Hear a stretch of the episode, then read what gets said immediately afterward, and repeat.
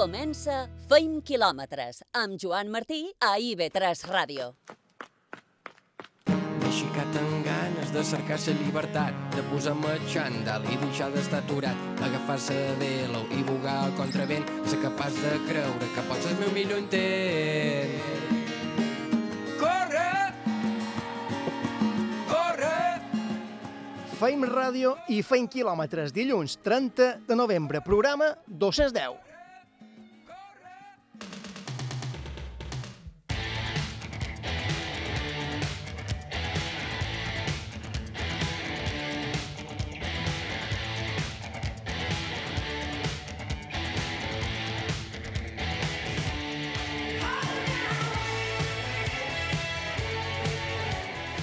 Tòfol Castanyer s'ha proclamat campió de Balears d'ultradistància. El Solleric ha estat el més ràpid a la prova reina dels 3 dies de trail Illa d'Eivissa. Parlarem amb ell. Parlarem també amb Àngels Llobera, guanyadora en la distància marató, també en el marc dels 3 dies del trail d'Eivissa. Tindrem també Damià Ramis i Marta Uribes, guanyador i guanyadora de la primera edició de la versió nocturna del Trail dels Fars. Els dos s'han imposat a la prova reina, una cursa emocionant i molt disputada, sobretot entre Marta Uribes i Tina Matller. Poques vegades la muntanya es decideix a l'esprint. Parlarem amb els protagonistes. Quins són o quines són les tres lesions més freqüents entre els corredors i corredores? En parlam amb Lucía Barca, fisioterapeuta, infermera esportiva i coach nutricional de Menorca Trainers. Entrevistarem també Lluís Vallcaneres, que acaba de publicar Entre cims i barrancs. Ell diu que es tracta de les seves memòries, però també podria ser una bona guia d'aprenentatge pels que s'inicien en el món de la muntanya i de la serra, de Tramuntana, més concretament.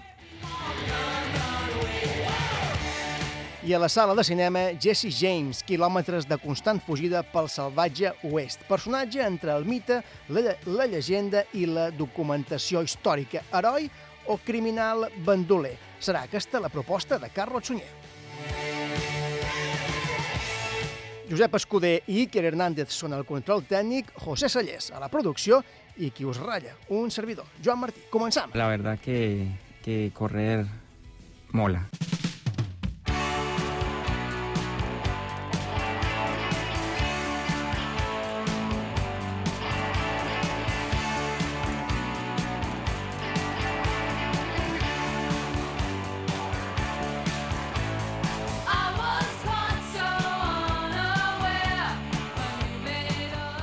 Tòfol Castanyer s'ha adjudicat el Campionat de Balears d'ultradistància, que s'ha disputat en el marc dels tres dies de trail d'Eivissa. El Solleric, com bé dèiem, ha estat el més ràpid amb un temps de 7 hores 34 minuts 20 segons. Rècord inclòs de la prova. En total, gairebé 84 quilòmetres de recorregut amb arribada i sortida de Sant Josep de Satalaia. Tòfol Castanyer, bon vespre, enhorabona i benvingut a Fent Quilòmetres. Hola, com va? Bon vespre. Gràcies per ser convidada. Com estàs? Bé, content. es- escolta, Content de parlar amb vosaltres. a, a la vista d'aquest resultat i en un any tan complicat, amb poques curses, eh, no te n'hagis malament aquesta tornada, eh? aquesta competició. No, sincerament, eh, bé, mira, vos diré sincer, me vaig apuntar dimarts o dimecres, vull dir, o me vaig decidir apuntar-me dimarts o dimecres, i sense preparar-la, però, però, com tu dius, amb un any tan atípic, clar, jo competir muntanya des de en competició així un pot de nivell o tal, bé, i sense nivell, és igual, en competició des de febrer a Transgran Canària no competia. I tenia unes ganes loques de, de això, de, de córrer, de, de tornar a sentir això, les sensacions aquestes de, de, de, de, de sortir fort i de, i de córrer quilòmetres i quilòmetres perquè fa estona que no fa 85 quilòmetres en competició, molta estona. Mm. I, I per això m'ho vaig plantejar, vull dir, per això. I, i dèiem que no te n'anaves malament, perquè com te vas trobar? Perquè eh, de ben pres tu, ho, acabes de dir, vas marcar un ritme alt i, i, i això que crec que va ploure eh, mm. i el fang sempre, sempre és un inconvenient i així encara vas treure una hora gairebé en el segon classificat, si bé, si bé és cert que el segon classificat va participar a les tres proves, crec, Mm. però bueno, així tot, un, una hora, déu nhi amb fang i pluja, eh, com, com va sí. ser? Mira, sincerament, Joan, eh, mm, com que entre que sortíem en sortides escalonades, Clar, eh, clar, per clar. tema del Covid, bé, a veure, jo vaig sortir a la darrera sortida, per tant, tots els que tenia, els tenia davant, no? Però eh, eh, això, mai saps eh, quina quantitat de gent dur davant o, o no, no? I, i, i, I vaig sortir fort, sincerament, per veure què tal me trobava, per, per veure què tal tornava a rendir, perquè me feia ganes ja que anava ja a córrer a donar-ho tot. Havia gent de nivell, havia qualque internacional i tal. També, a veure, com tu dius, havia gent que feia tres dies i per tant s'ho prenia d'una altra manera. Uh, però, bueno, si, jo no, no vaig mirar molt qui me venia darrere ni quina distància du, de fet no ho podia saber, i, i simplement m'he dedicat a, intentar anar a un ritme el més alt possible, uh, anar fent quilòmetres intentant menjar i, bo, i beure bé, uh, tapant-me de, de l'aigua quan, quan va començar a ploure, i, bueno, i com tu dius, en el final hi va molt de fang, i, i... però bé, tot molt divertit, i una altra vegada tornar a sentir compte de les sensacions d'aquestes d'anar d'anar fort a una cursa, buah, això ho trobava molt a faltar, sincerament. Sí, perquè aquest any eh, sí que es veure que has anat superant reptes, no? Alguns solidaris, com eh, el Jo me corono, sí. aquest que vaig fer, vas fer després major sense sortir de casa teva, acumulant quilòmetres de, de desnivell en cinta elíptica.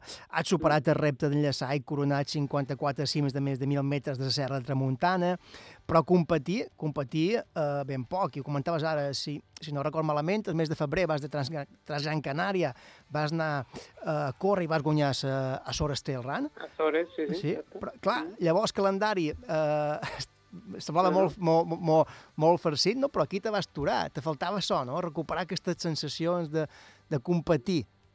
Sí, és a dir, eh, com tu dius, eh, gener, febrer, tot el calendari que tenia previst el vaig complir, però després ja de, de tan a Gran Canària ja hi va haver el confinament i, i tot el que eren les proves internacionals que tenia ficades en el meu calendari eh, se van anul·lar totes. És a dir, totes eren proves grans, eh, UTMB, eh, eh, Lavaredo, eh, Tòquio, tot això se va suspendre, no?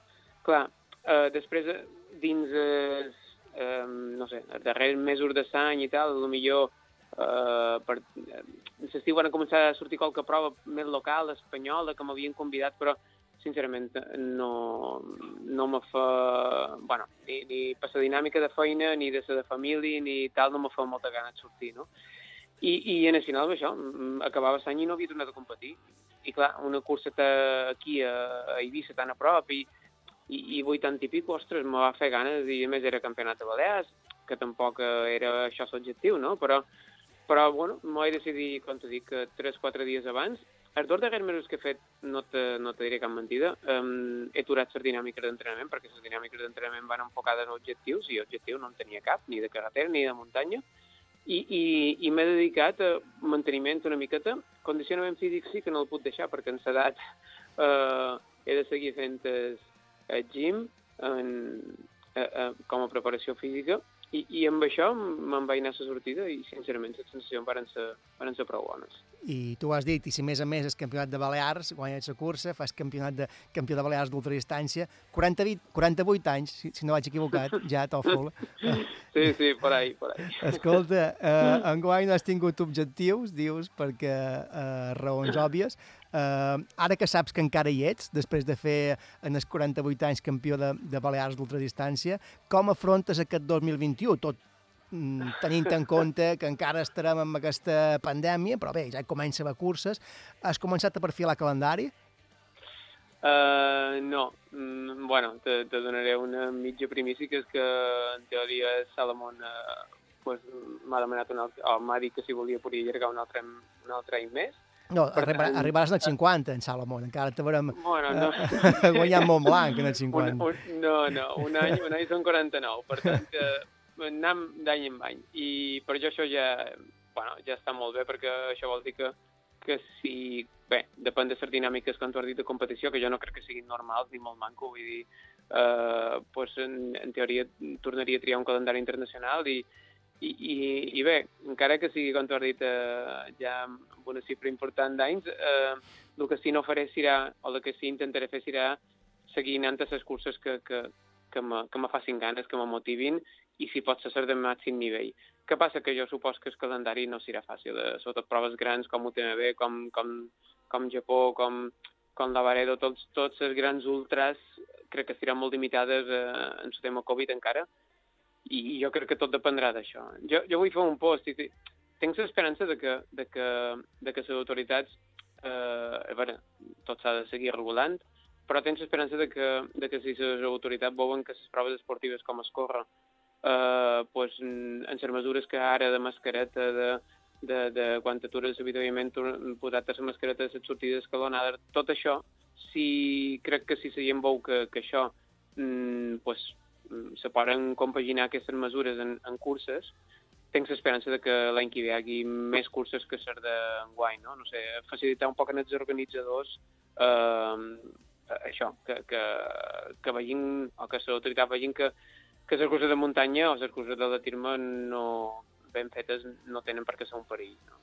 No Confiem que sigui així perquè, a més, fins ara s'ha demostrat així, que no són un perill, que no hi ha contagis i que, a més a més, les eh, organitzacions ho duen, ho duen bastant bé. Incombustible, Tòfol Castanyà, 48 anys, i acaba d'anunciar en primícia que renova un any amb Salomon, eh, campió de Balears d'ultradistància, eh, i tot el que pugui venir aquest any, que segurament que hi haurà poques curses, però que tornarem a parlar amb en Tòfol. Tòfol, moltes gràcies per haver estat una vegada més de 20 quilòmetres. Espero que sí, vos escoltes els dilluns, és dir, que vosaltres també seguiu, que, que feim molt bona feina. No? Gràcies, Tòfol. Una abraçada. Una abraçada. Adéu, bona nit. Per cert, en categoria de dones, la més ràpida va ser la gallega Arocio. I d'entre les federades, amb llicència balear, la més ràpida d'aquesta ultradistància de 84 quilòmetres eh, amb arribada i sortida a Sant Josep de Satalaia va ser Aitana Garrido. Per tant, que Aitana Garrido és la nova campiona de Balears d'ultradistància. Visca 20 quilòmetres! I don't care, I know gonna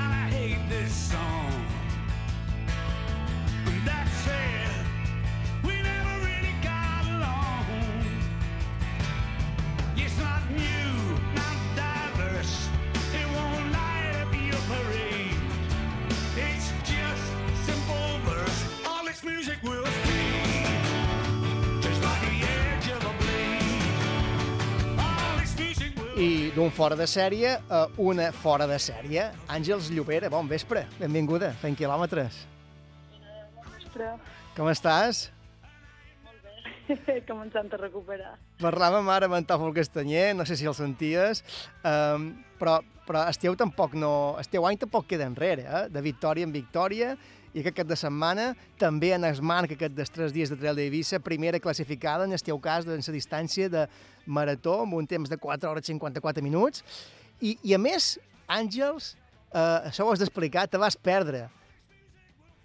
Sí, just sortir. Just, just a la sortida. Com, com, va, ser, com va ser això? Com va ser? Vaig sortir molt ràpid i hi havia un desviament.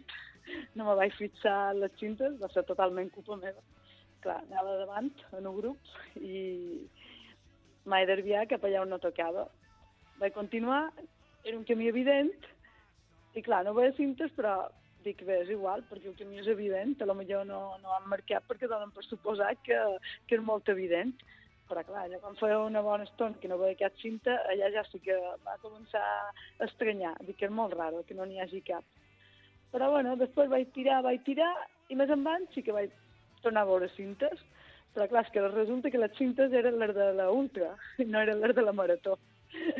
I, i clar, jo no ho sabia, i aquí ja vaig dir, bueno, a cintes vaig bé, però clar, després m'he trobat a Aroa, la, que era la que anava davant a l'ultra, que me venia en sentit invers, i jo sabia que era impossible que me vengués en sentit invers, i va ser quan vaig dir, no, no, m'he equivocat, clar, vaig haver de tornar enrere i tornar allà en un punt d'inici on començava la cursa en tot això ja havia perdut, no sé si eren 12 o 15 minuts, i clar, era com a sortir en 15 minuts de desavantatge davant tothom, és que ja ja no quedava ningú.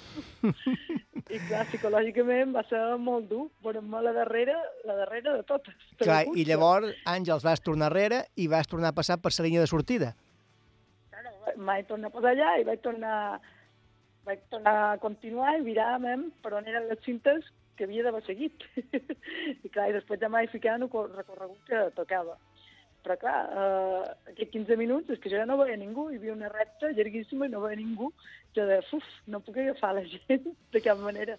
I després, a poc a poc, mira, sí, vaig anar, vaig anar agafant gent i recuperant posicions, que supos que de l'enrabiada que duia dins jo mateixa perquè m'havia equivocat i la frustració de veure que ja en el primer moment no, ja m'havia descol·locat de la cursa i tot, no sé, vaig treure forces, el cap va guanyar i vaig dir, vengui, de, tira per endavant i intenta recuperar el màxim que puguis.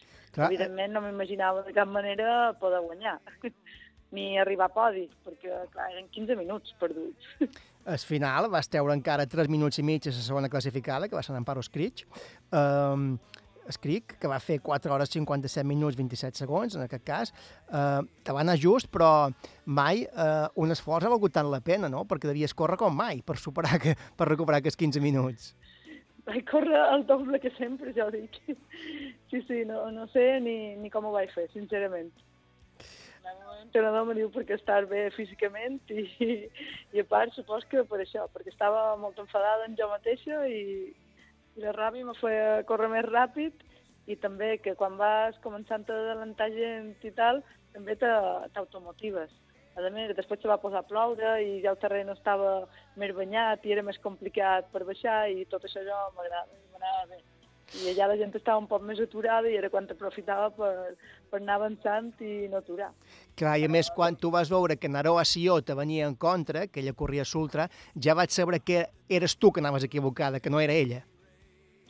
Totalment, totalment. A més que van xerrar i tot i ja vaig veure que jo que anava malament. Clar, te desmuntes, eh? Són moments durs psicològics de, que te peguen ganes de sobretot un racó i dir... Què he vingut, què he vingut a fer aquí, eh? Què he vingut a fer? Escolta, Àngels, el mes de setembre vas guanyar la Trail del Cap de Creus, um, a Girona, el mes d'octubre el Gran Premi Diputació de Zamora. Fa dues setmanes vas fer tercera entre muntanyes, paral·lelo 28, a Gran Canària. Hi ha hagut poques carreres, però en les que has pogut anar, o en les que has, has pogut anar i has competit, mm, vas de victòria en victòria. Ho aprofites bé. Jo, jo ara mateix, eh? sincerament, dic que és primit aquest any. El poc que hi havia, però curses n'hi havia. N'hi havia qualcunes i si no, cercat de baix les pedres. perquè quan aquí encara no se'n feien, a final de juliol i agost, que a França sí que ja n'hi havia, de curses internacionals, el que jo vaig fer va ser partir cap allà a poder competir, perquè jo tenia moltes ganes de competir. Havia competit per febrer i, clar, i després ja la que havia d'anar a Itàlia per març ja se va cancel·lar per tot lo del Covid i fins a final de juliol no em vaig trobar una a França que pogués anar. I clar, també vaig anar a França fent-ne dues aquest estiu perquè era l'únic país que no te demanaven PCR, que no hi havia quarantena, que no hi havia limitacions i que podies entrar i sortir fàcil. Doncs te vaig córrer allà i després ja quan hi va començar per aquí ja, vaig aprofitar l'educat de Creus i, i totes les que varen anar sortint. Clar, i és el que comentava una miqueta en Tòfol, imagino, no? Quan dus un ritme de competició i estàs preparada per competir, turar de cop eh, costa eh, mantenir la forma, perquè amb el confinament hi va haver diferents maneres de poder mantenir-ho, però no és el mateix que competir, no? No, no, no és el mateix. A més, la primera cursa després del confinament, que va ser a final de juliol, era com a, quan, quan fa la primera de la temporada. Pesaven les cames, eh? Pesaven les cames. Ni, ni com te respondeu cos, que tots són com incògnites, però bueno, després també te veus bé, perquè si jo vaig fer feina durant el confinament i, i tampoc no estava tan malament. Mm. Van sortir els resultats, però per això, perquè no vaig estar aturada. Jo penso que si, si hagués estat aturada no, no hagués estat possible aconseguir bons resultats. Mm. Però bueno, I, I escolta, Àngels, amb aquesta cursa crec que sumes tres punts ITRA, que, mm, que són vàlids per anar a Montblanc. Els aprofitaràs en guany o no? Montblanc, no, Montblanc jo ja l'he fet una vegada. Montblanc dius que ets la cursa de curses, que tot corredor de muntanya hauria de fer. I tant, però que ja l'he feta, ja, ja la cursa que he feta ja està guardada i... I cap una altra. Vaig acabar amb molt bones sensacions i jo penso que una cursa de 170 quilòmetres són paraules majors. Uh -huh. I ja quan l'has aconseguit una vegada, ja, ja penso que amb aquest aspecte ja no m'he de demostrar res més a jo mateixa. Li I- I... a la meva mare i a la meva filla que no en tornaria a fer cap d'aquestes. Van passar molta pena elles, del vespre, fent el seguiment i mm, jo també ara mateix m'estim més fer curses més curtes, de poder arribar correguent a ritmes ràpids, o poder fer curses per etapes, que ara m'agrada molt, el que justament enguany s'han... en vaig fer una per febrer, però després ja les altres que havia d'anar se van cancel·lar. Estim més aquest tipus de curses que curses que hagi de passar 24 hores o 30 hores. I ara, després de guanyar la marató en els tres dies Trail d'Eivissa, um, cap, on, cap on tires calendari de n'Àngel Llobera? En teoria, el calendari de l'Àngel s'ha acabat aquí. S'ha acabat Ja- aquí, aquest 2020? Ja havia acabat la temporada, en teoria, però la selecció balear d'atletisme m'ha convocat per anar el Campionat d'Espanya de Federacions Mhm. de trail, que és Ahà. d'aquí 15 dies, a Eivissa, A Eivissa? Alta Uh -huh. Uh, i, I, clar, ja que han comptat en jo, evidentment que, que hi aniré. Uh, és una cursa que no de les meves característiques, són 20 quilòmetres només, amb molt poc de nivell i molt ràpida i sense terreny tècnic per a, bé, s'ha d'aprofitar aquesta oportunitat que te donen. I correràs en la selecció balear, eh? Sí, i després d'aquesta cursa ja sí que Ja ja, ja tocarà fer pretemporada, supos que correrem trossos perquè fa ritme i després ja encara la temporada que ve. Uh -huh. uh, continues amb en Depar Runner com a entrenador? Sí, sí. Mm. Ha fet bona feina, Sí. ha fet bona feina. Àngels Llobera, enhorabona per aquesta altra victòria, ara a la marató de tres dies d'Eivissa i que vagi molt bé en el Campionat d'Espanya de, de trail running, que també serà a Eivissa. Moltes gràcies Eh, i fins aviat. Gràcies a tu, una abraçada, Àngels. Adéu.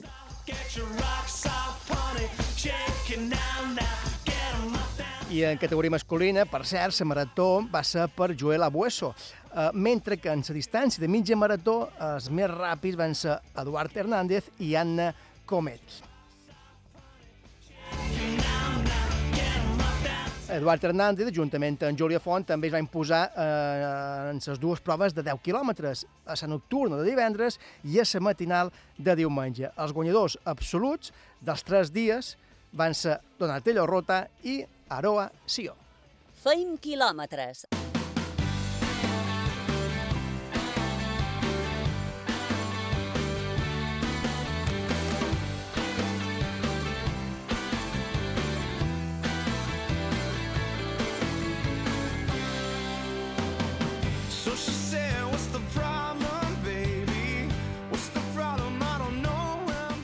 També que aquesta setmana s'ha disputat la primera edició de la versió nocturna del Trail dels Fars.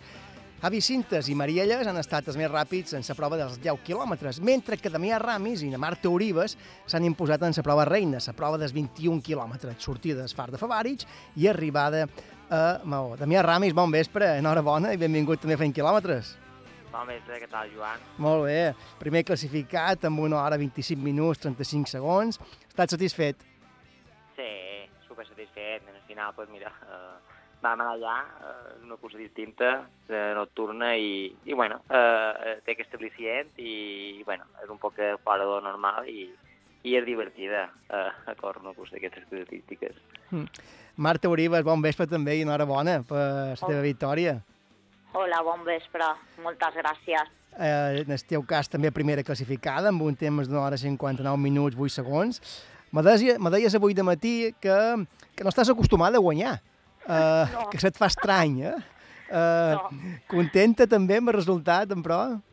Sí, sí, molt contenta. Jo sóc corredora novata fa dos anys que vaig iniciar l'atletisme. Però guanyar t'agrada, no?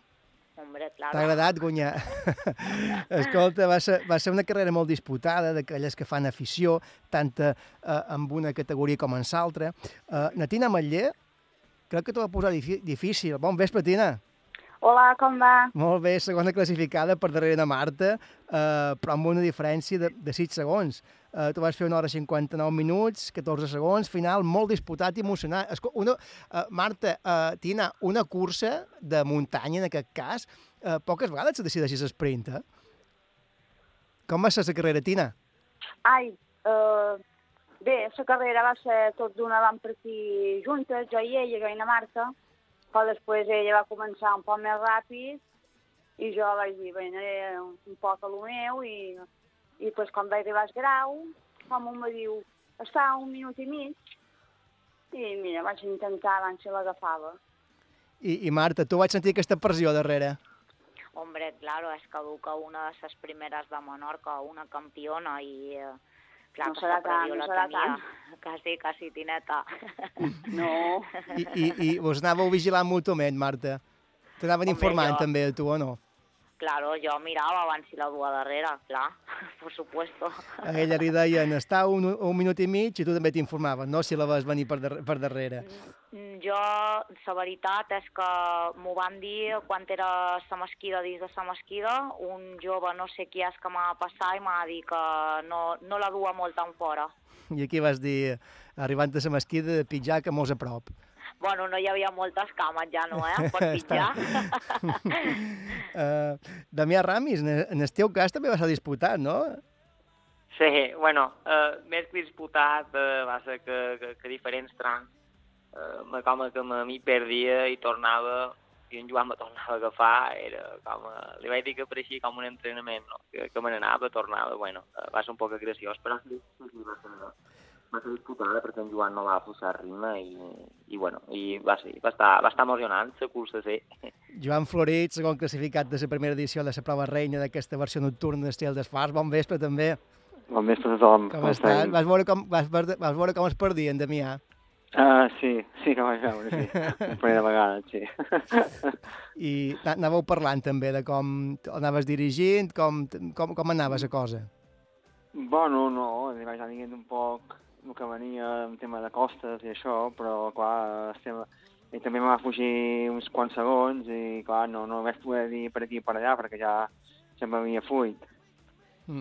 I en el, Però en, bueno. en, en el cas de na Tina i na Marta es va decidir l'esprint, que poques vegades una carrera de 21 quilòmetres a, a més a, a, que no és per asfalt, es decideix en aquest en, en sprint. En, en el vostre cas, que crec que hi va haver també res, 34 segons de diferència, eh, com va ser el tram final? Damià? Bueno, en el final érem en la base de, de Sant Isidre i, i ja tocant el tram de salt, bueno, no és que mos posessin tots els camalogos, bueno, vaig muntar un poc més el ritme i, bueno, i, i en Joan no, no va seguir i, i bueno, vaig mantenir el ritme quasi fins a meta i, i, i va bastar. Va És que, bastar. és que Joan en Damià és molt de Damià, també. Eh? Ja venia de guanyar, ja venia de guanyar Skyrunning de Palma, eh, és mal de seguir. Sí, i tant, i tant. No, o sigui, és que va, va, va ser molt divertit. I, bueno, el que diu ell, eh, en tot cas es fa va posar un ritme que jo, pues, no, no era cor de poder seguir i res, vaig poder mantenir la segona posició i vaig dir, bueno, fins aquí hem arribat, no?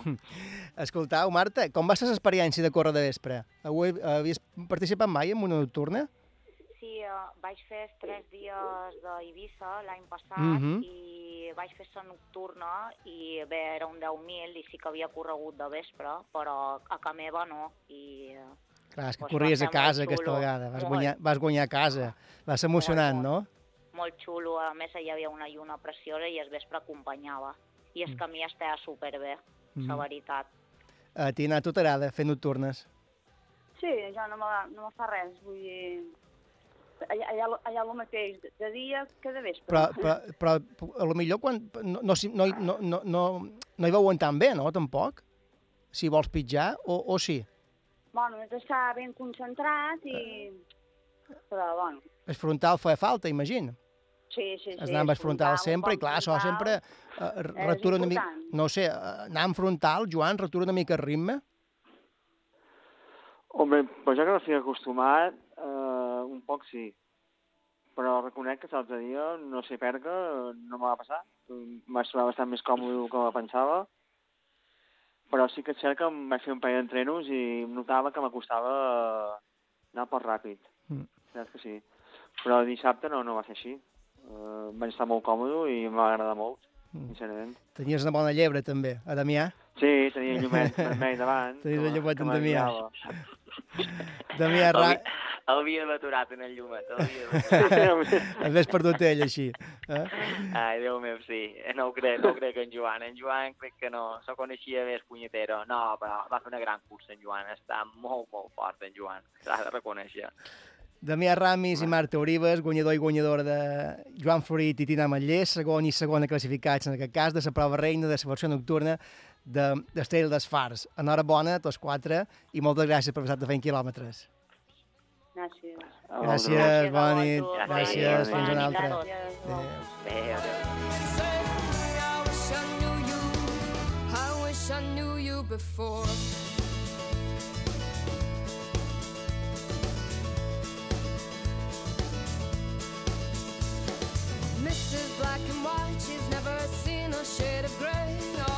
Un apunt abans d'anar a publicitat. Jaume García i Amanda Martín es van adjudicar ahir la victòria, el triomf en el Cross Illes Malgrat, que es va disputar a Santa Ponça. Ells dos van ser, o es van imposar sobre una distància de 8.000 metres. Ara sí, fem una aturada pels anuncis i tornem tot d'una. I've got another confession to make. I'm your fool. Everyone's got the chains to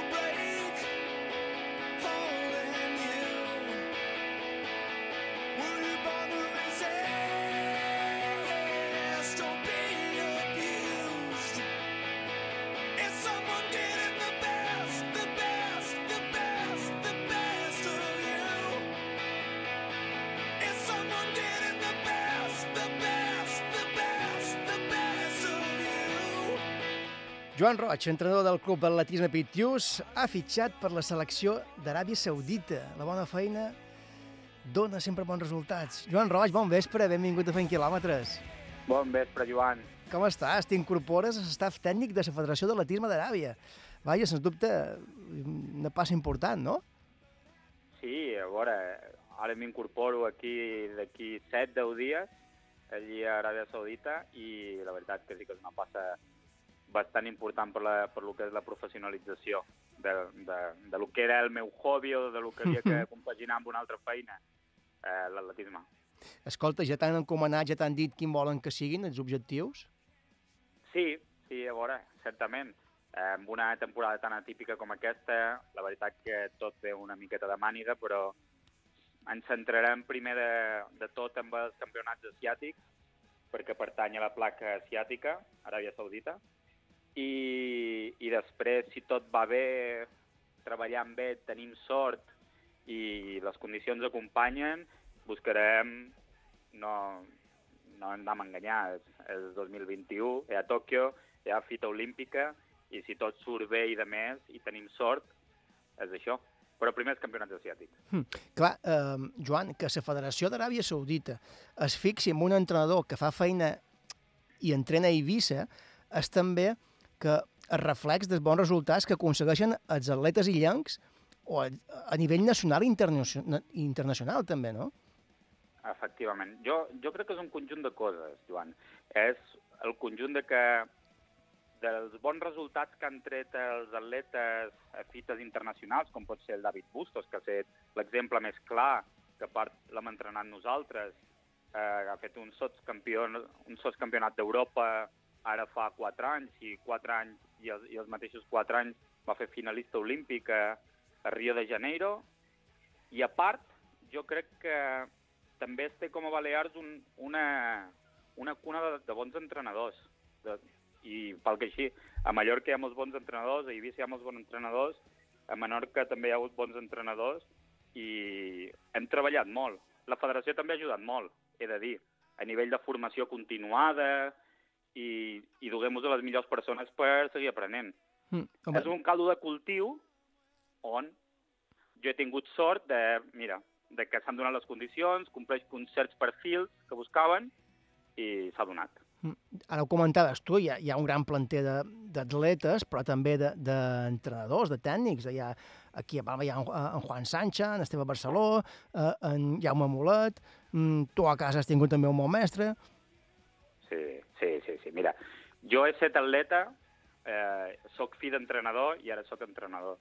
I el més important per una illa o per un territori no és tenir bons atletes. Els bons atletes és un reflexe, pot ser una espurna de bona sort, però si hi ha prou bons atletes és un reflexe de la bona feina que fan els entrenadors i que normalment són els menys reconeguts. O sigui, eh, aquí a Eivissa tenim relativament sort perquè ens tracten molt bé, perquè fem molta feina, treballem molt, el meu pare és de fa 45 anys i jo ara una miqueta més, eh, estic més, eh, més ficat, que sóc entrenador de- des de fa 15-16 anys. Però hi ha bandes que encara no se'ls reconeix d'aquesta forma. Tu mateix has- l'has nombrat, Esteve Barceló. L'Esteve Barceló ara mateix té un, una quantitat de problemes a l'Ajuntament de Montuïri perquè ni tenen pista ni tenen zona d'entrenament i sempre m'han ensenyat a casa i els entrenadors que m'han envoltat a la Federació Balear i a tot el conjunt de Balears que ens hem d'apoyar. Perquè som un esport petit i, i tenim que apoyar-nos, perquè ja és, ja és de prou fotut estar a la pista cada dia amb el que fa com per que, a més, les institucions amb una molt bona feina no ens acompanyin. O sigui que des d'aquí li deman que no es valda de Montuiri, que es posi les piles, que té un gran entrenador a casa, que l'aprofiti, perquè que els joves tinguin una persona com l'Esteve que es desviu per l'atletisme, eh, hauria de donar gràcies cada dia. Uh, tu a casa ho has comentat ara, has tingut un bon mestre també, uh, Joan Roig pare, un dels millors... Toni Roig, Toni Roig. Ah, Perdó, Toni Roig, sí, Joan Roig. Uh, Toni Roig, un de, dels millors entrenadors de- d'Espanya de, i a nivell internacional també. Què t'ha mostrat, Toni Roig pare? Tot, mira. Vaig a ser molt sincer i, i potser alguna vegada no he parlat d'això, o quasi mai he parlat d'això. Però per mi, jo quan, ja quan era atleta ha estat un reflexe de, del que volia ser. Jo ja volia ser entrenador de petit. I he tingut la sort de... Ell ha anat sempre a la selecció espanyola, a concentracions, campionats i de més, o despatxos de presidents de federacions, i jo he tingut la sort que des de que tenia 3, 4, 5 anys he estat a tots aquests llocs, enganxat com un mico, aprenent, escoltant i, i puguem rodejar amb els millors entrenadors i millors atletes d'Espanya i d'Europa durant tota la vida. I m'ha ensenyat que l'atletisme o el vius o deixa'l passar. Perquè l'atletisme és igual que el ciclisme, que ell també ha estat ciclista. És una cosa que l'has de viure 24 hores. I o la vius amb intensitat o no pots anar mitges. I tu ara el viuràs més que mai, perquè de fet te- te'n vas a Aràbia Saudita, no? Quan, parteix, Mare quan sí. parteixes? Perquè tot això Pues deu per- suposar un canvi important de la teva vida. Hombre, mira, des que la meva parella eh, és que aquí a casa, que guardem bé la casa, perquè ella no pot venir, ella ja té prou feina, i parteixo amb uns 6, entre 6 i 10 dies, m'han dit. I cap on vas? Cap a Riad? Cap on vas? A Riad. Te'n A vas a en Riad. principi, però bueno, seré com un feriant, itinerant. Clar. Mm -hmm. O sigui, anirem allí veient la gent que hi ha al país, fent un poc de scouting, i en gent del país i gent de fora del país, no anem a enganyar ningú. O sigui, Aràbia Saudí és importador d'atletes, també. I si hi ha atletes de països islàmics o musulmans que, que ens interessen i se poden nacionalitzar perquè tenen vincles amb l'Aràbia Saudita, eh, eh, tindran que fer-ho. I també anirem per tot el món fent estats d'entrenament i competicions. Mm. O sigui, me toca una vida un poc itinerant, però és el que m'agrada. O sigui, no te'n vas a millorar eh, la mesura de, del que es pugui amb el teu coneixement i aplicant les teves, els teus coneixements i la teva capacitat tècnica als atletes que ja hi ha, a la selecció o a la Federació d'Aràbia Saudita, i a més a més intenta, intentant anar a veure si podeu aconseguir eh, o la teva feina serà també fer una mica de- d'observador, no? a veure si pots Sí, sí, incorporar sí, sí. Nous, nous talents per la selecció i la federació. Efectivament, o gent que millor estigui infravalorada perquè no està enquadrada en la prova que, que, que millor podríem treure profit. Per exemple, hi ha molta diversitat, hi ha, hi ha, hi ha atletes que millor estan correguent per dir-te dos proves que millor són molt diferents però tenen un, un component, un cert component bastant gran, com els 400 metres tanques i els 800 metres. O sigui, a lo millor tenim un atleta de 400 metres tanques que és bo, però no destaca. A lo millor haurem de fer un parell de test, haurem de fer un parell de proves, d'assimilació, i veure que a lo millor po- podria ser un gran talent en 800 metres. Saps? Mm -hmm. Reubicar talents, també. Tens una bona feina per endavant, Sí, eh? I més, de, quan, molta. quan la feina t'apassiona, segurament que, que sortirà bé. Joan Roig, entrenador de, del Club Atletisme Pitius, a partir d'ara tècnic també de la selecció i de la Federació d'Atletisme d'Aràbia Saudita. Uh, te veurem a Tòquio. pues si Déu vol. O sigui, Eh? eh? ojalà. Però això ja seria un somni. Ta- Eh, ja també t'he dic. Jo, jo amb aquesta oportunitat que m'han donat ja estic conformat pel moment. I si o a més a més a més- A partir d'ara, A més a més, el juliol ets a Tòquio ja, uh, l'any haurà estat rodó. sí, i Mm. també una foto. Oh, I farem una entrevista. Efectivament. uh, Joan Roig, t'imagines amb un atleta d'Aràbia Saudita guanyar una medalla a Tòquio? Uau, mira, vaig a ser sincer, ja quan el David Bustos estava a la final de Rio de Janeiro Mhm. i jo estava amb el meu pare al costat i veiem que a falta de 100 metres seguia adelantant i adelantant i adelantant que estava just darrere del Kiprup, del campió del món de 1500 i amb el David en la demostració que va fer el Campionat d'Europa és el més pròxim que he vist una medalla de prop. Ja en aquell moment el vaig va arribar sèptim, em vaig emocionar de tal forma i el meu pare encara més, Uh -huh. m'imagino una medalla i, i me puc morir. Fantàstic. Tot arriba, Joan, tot arriba. Si Déu vol. Amb feina i constància. Uh, Joan, una abraçada molt forta i que vagi molt bé. Uh, Igualment, Aràbia Joan. Saudit i bon viatge. I moltíssimes gràcies per preocupar-vos i per, i, i per estar al tanto. Que vagi molt bé. Gràcies. Gràcies, gràcies. Fèiem ara una aturada per la publicitat i passam després per l'avituallament. Quins són els tres tipus de lesions més freqüents?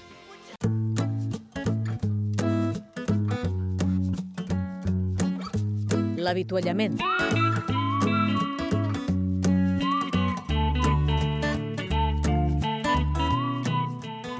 Obrim consulta, tenim ja Lucía Barca, fisioterapeuta, infermera esportiva i coach nutricional de Menorca Trainers.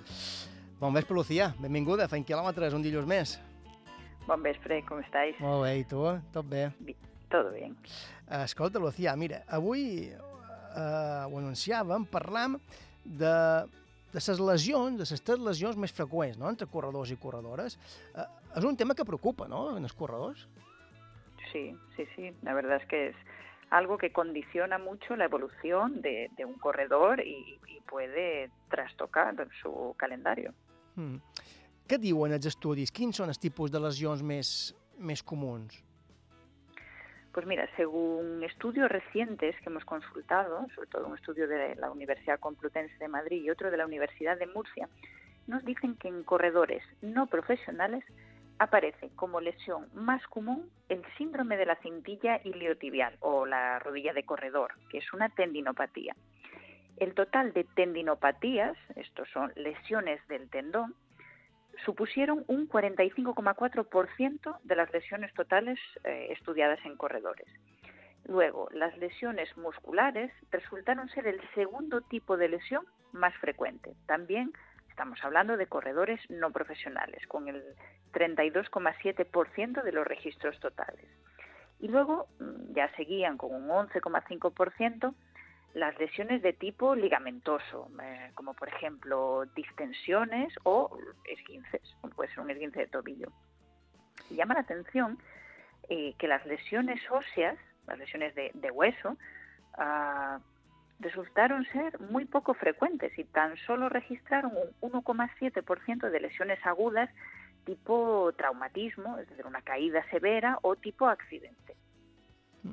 I, i amb aquestes dades de, de referència, quines serien les tres, més freqüents?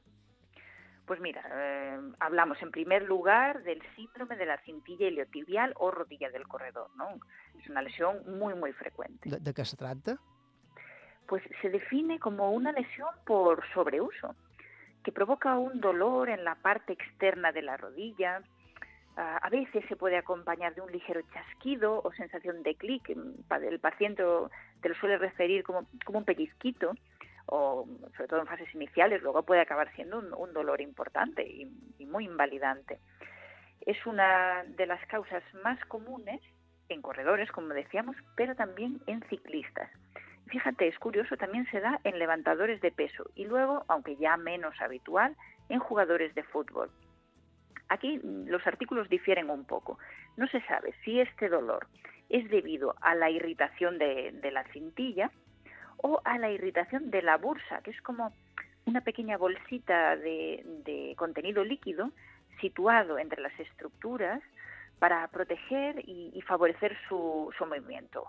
O si puede ser por ambas, por ambas causas, tanto por fricción a nivel del tendón y también de esta bolsita. Luego también suele aparecer eh, más frecuentemente, nos dicen estos estudios, en corredores de media distancia.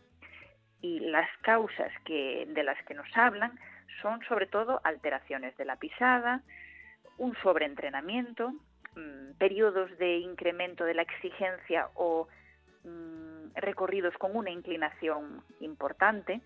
Y luego, en cuanto a su tratamiento, pues eh, nos hablan de la fisioterapia enfocada a eliminar el dolor, corregir y hacen eh, hincapié en el fortalecimiento de estructuras para que no vuelva a repetirse. Y en ocasiones, eh, en bastantes ocasiones, recomiendan también una visita al podólogo por si hubiera alguna alteración de la pisada como complemento.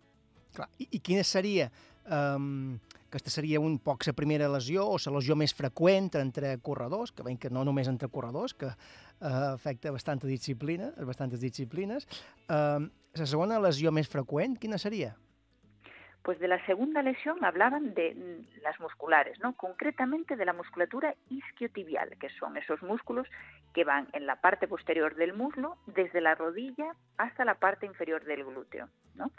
Concretamente un músculo llamado bíceps femoral, que mm, recoge en torno al 25% de estas lesiones.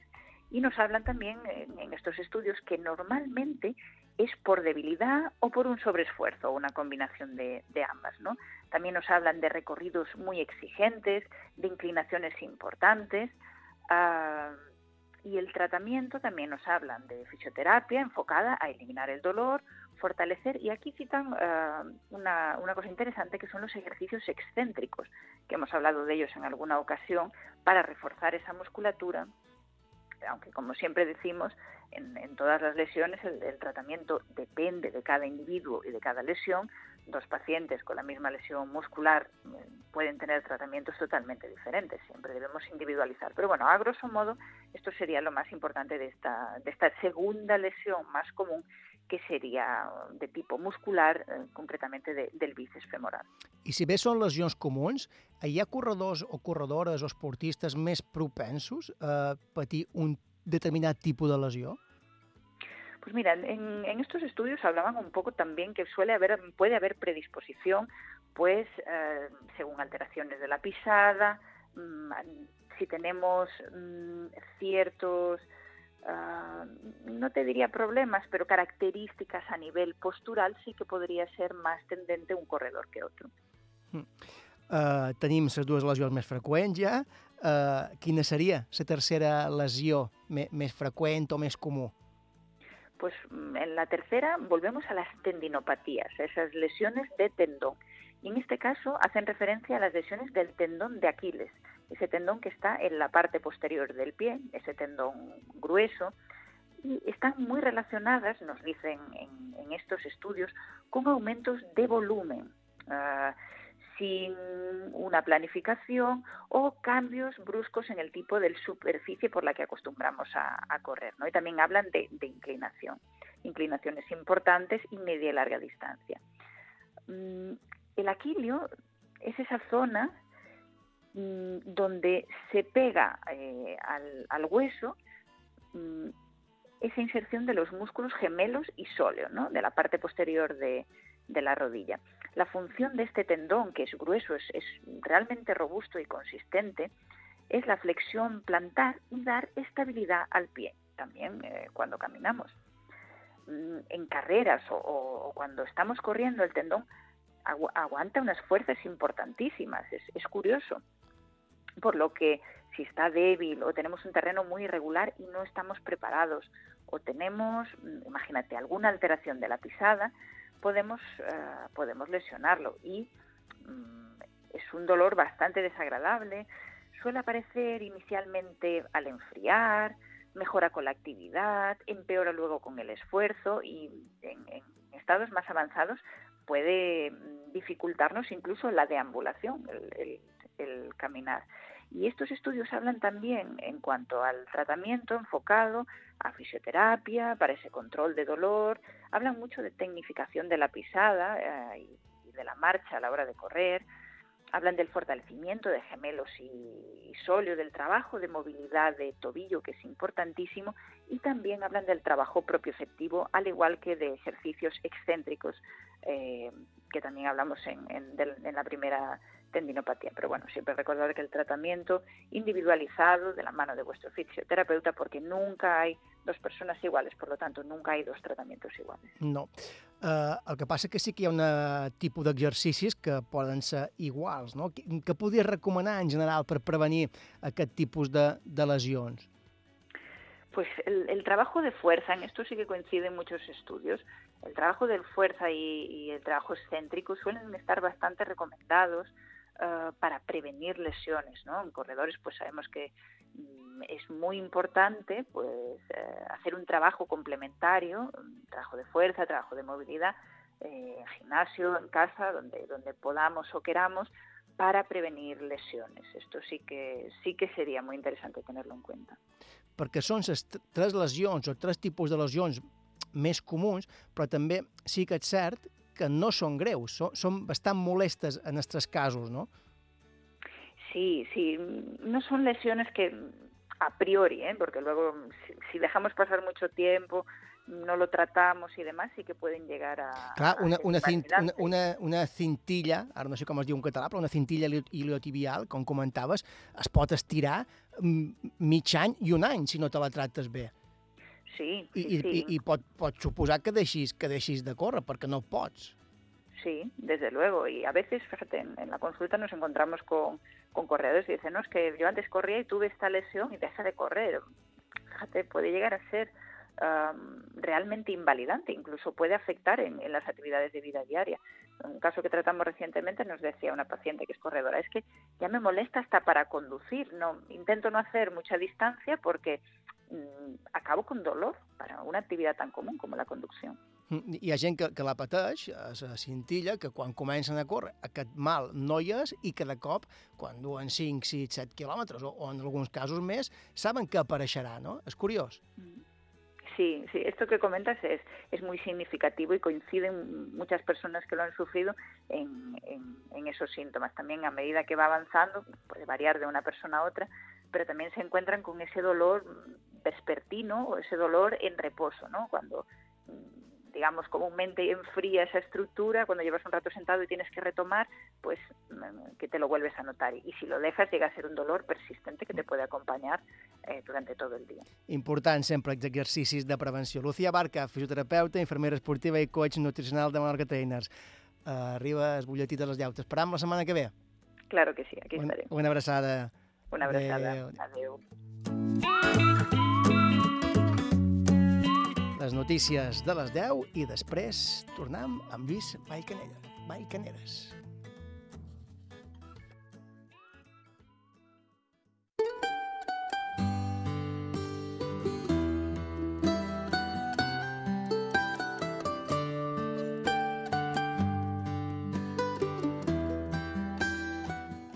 La idea d'escriure les meves memòries ja feia un temps que em rondava. I això volia dir dues coses. Primer, que m'estic fent vell, i segon, que encara tinc memòria bastament per recordar el meu passat abans que arribi alguna mena d'amnèsia senil. You were the first, so was I. Made love and then you cried. Remember? Kurt Dienberger afirmava que no és difícil arribar a ser un bon muntanyenc. El que és difícil és ser un bon muntanyenc i arribar a vell. Jo no sé si he arribat a ser un bon muntanyenc, però sí que he arribat a vell. L'entrevista.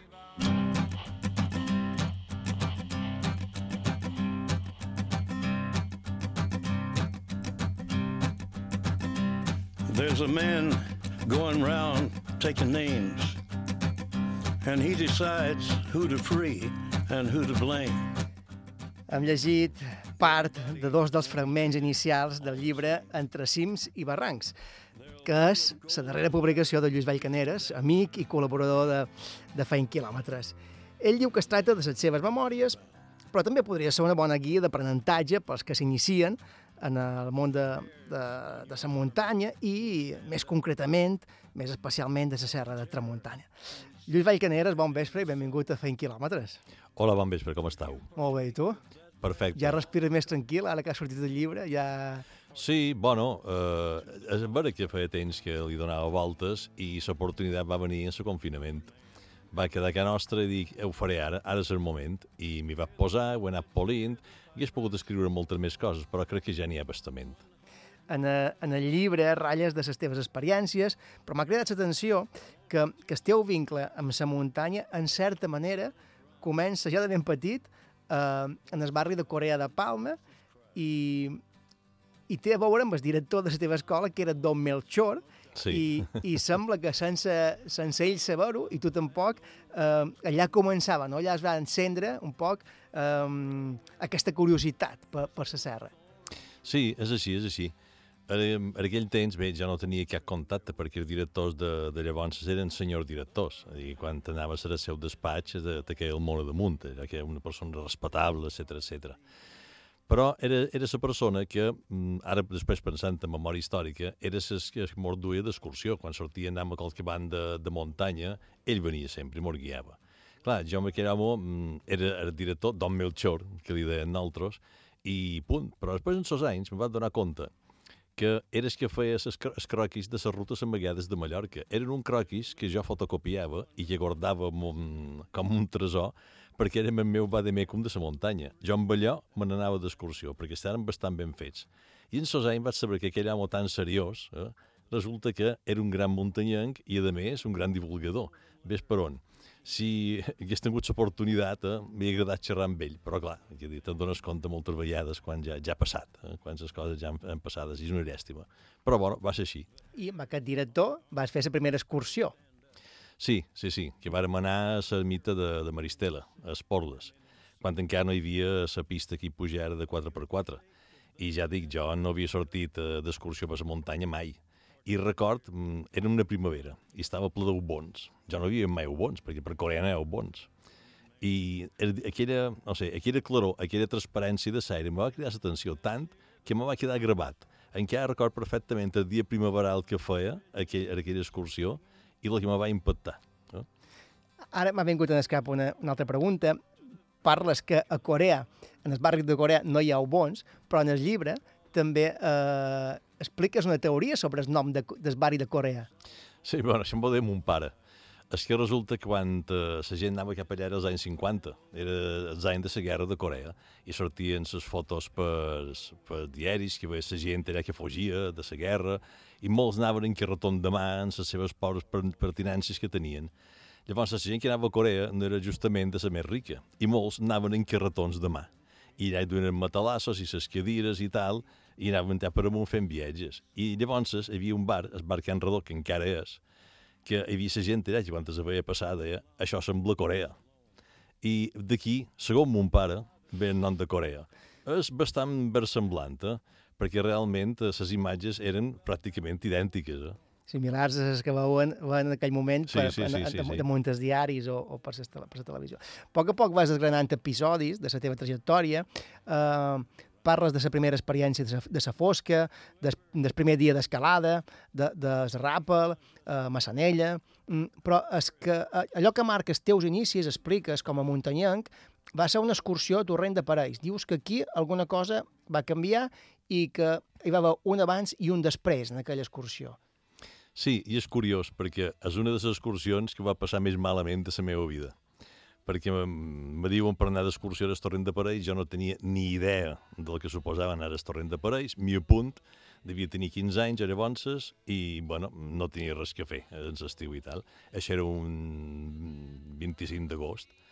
I m'on anaren cap allà, figura't, me van dir, això farà calor i tal, vaig anar amb unes espardenyes fora que els satins, me va presentar, no dir ni cantimplora, per no dur, imagina't, i res, començam a baixar i fas aquella excursió i, bueno, va ser inenarrable. Jo, quan dic el llibre, ja a molt de bocins ja anava literalment reptant, perquè dius, allò ja no era caminat, només volia sortir d'allà i veies un revolt i un altre revolt i no arribaves a sortir. Al final, quan logres sortir, és allò que dius, por fin, estic viu, no? I pareixia, i de fet, així va ser els primers moments, en què et diu, no et tornaré en la meva vida el torrent de pareix. Allà que dius, un i pus, no? un i oli. Però no sé per què, no sé per quina raó. Probablement els paisatges, els, els, els indrets, eh, perquè allò impressiona molt una persona que no està mai allà de dins. Això me va, me va afectar de qualque manera. Fins i tot a nivell de dificultat, lo malament que ho havia passat, a dir, al lloc d'escalivar-me, me va motivar, que això ha estat sempre una constant a la meva vida, no? Que dit moltes vegades, però aquí, un i oli. I al final no estàs bo fins que hi tornes. I de, aquesta va ser una d'elles.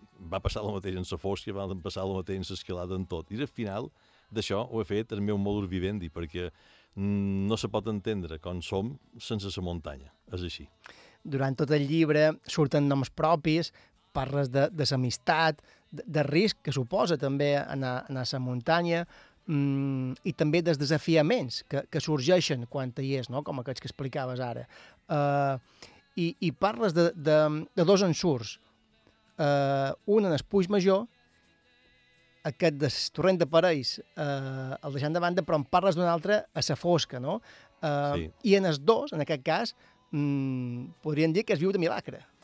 Sí, sí, sí, sí. El que passa és que hi ha una diferència, hi ha una diferència entre un i l'altre. A veure, m'hagués pogut matar perfectament a les dues bandes. Però a una, a l'Esput Major, jo me veia mort. Era una cosa que dius, eh, aquí acaben els meus dies.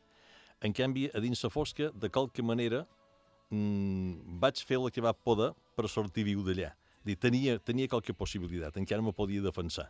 I en aquest aspecte, mm, és cert, perquè era el punt major, quan vaig pegar la paperina va quedar sense sentit, i en canvi la fosca no va perdre en cap moment el sentit. Sabia el que estava passant, més o manco, perquè quan caus mm, controles fins a cert punt.